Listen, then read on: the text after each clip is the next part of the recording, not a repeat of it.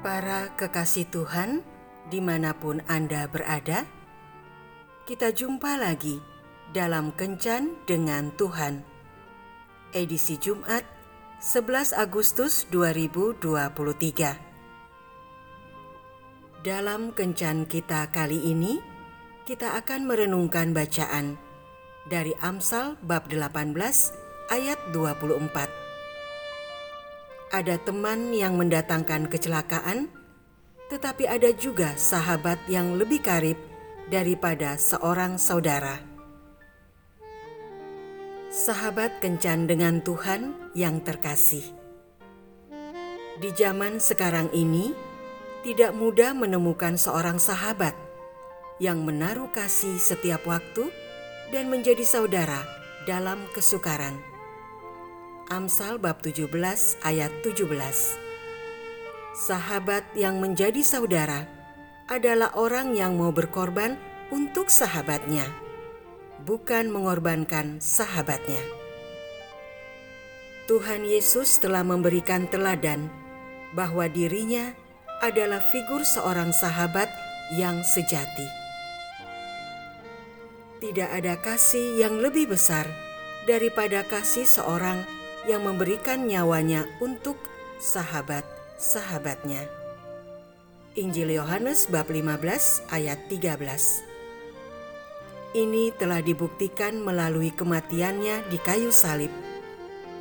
Persahabatan yang didasari oleh kasih Kristus itu akan melebihi tali persaudaraan atau kekerabatan karena hubungan yang dibangun bukan atas kepentingan untung rugi, melainkan karena mengasihi sebagai dirinya sendiri. Namun, ada juga persahabatan yang terjalin hanya karena keuntungan dari kepentingan diri sendiri. Persahabatan yang demikian tidak akan langgeng, akan putus apabila tidak menguntungkan seorang sahabat jenis ini akan begitu ramah dan baik kepada kita saat ia memerlukan sesuatu dari kita. Sebaliknya, bila kita tidak lagi mampu mendatangkan sesuatu yang menguntungkan bagi dirinya, ia akan secepat kilat meninggalkan kita. Seperti tertulis, kekayaan menambah banyak sahabat tetapi orang miskin ditinggalkan sahabatnya. Amsal bab 19 ayat 4 Atas dasar apakah persahabatan yang kita jalin saat ini? Tipe sahabat seperti apakah kita? Mari kita meneladan persahabatan seperti Yesus yang setia dalam segala hal. Saat ini banyak jiwa-jiwa yang kesepian dan terhilang. Maukah kita menjadi sahabat yang baik bagi mereka?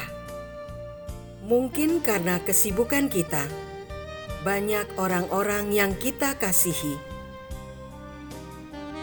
Suami, istri, anak, orang tua merasa semakin jauh dari kita. Marilah kita luangkan waktu kembali untuk mereka, sehingga melalui kehadiran kita, mereka akan menemukan Yesus yang hidup dalam diri kita. Tuhan Yesus memberkati. Marilah kita berdoa. Tuhan Yesus, aku bersyukur kepadamu atas begitu banyak orang-orang yang kau hadirkan dalam hidupku. Mampukanlah aku agar aku dapat menjadi sahabat terbaik mereka, sehingga seluruh keberadaan diriku dapat menjadi berkat bagi mereka. Amin.